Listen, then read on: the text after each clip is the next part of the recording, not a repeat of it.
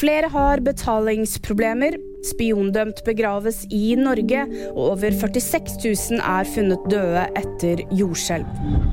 Stadig flere nordmenn har problemer med å betale billånene sine, og på et drøyt år så har antallet inkassosaker knyttet til billån og leasingavtaler økt med over 20% Det viser tall som VG har fått fra Intrum, som er Skandinavias største inkassoselskap. Denne økningen er betydelig, og varsellampene blinker, melder selskapet. Sjefsanalytiker Morten Trasti han sier at dette er det første sykdomstegnet i privatøkonomien til folk flest. Den spiondømte diplomaten Arne Treholt begraves i Norge på torsdag. Treholt døde i Moskva, der han de siste årene både bodde og jobbet.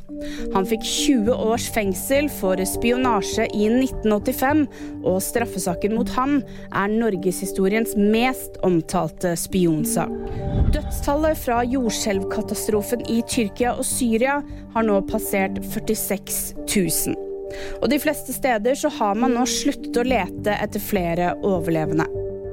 Nå sender Nato rundt 1000 konteinere som skal fungere som midlertidig husly for minst 4000 mennesker.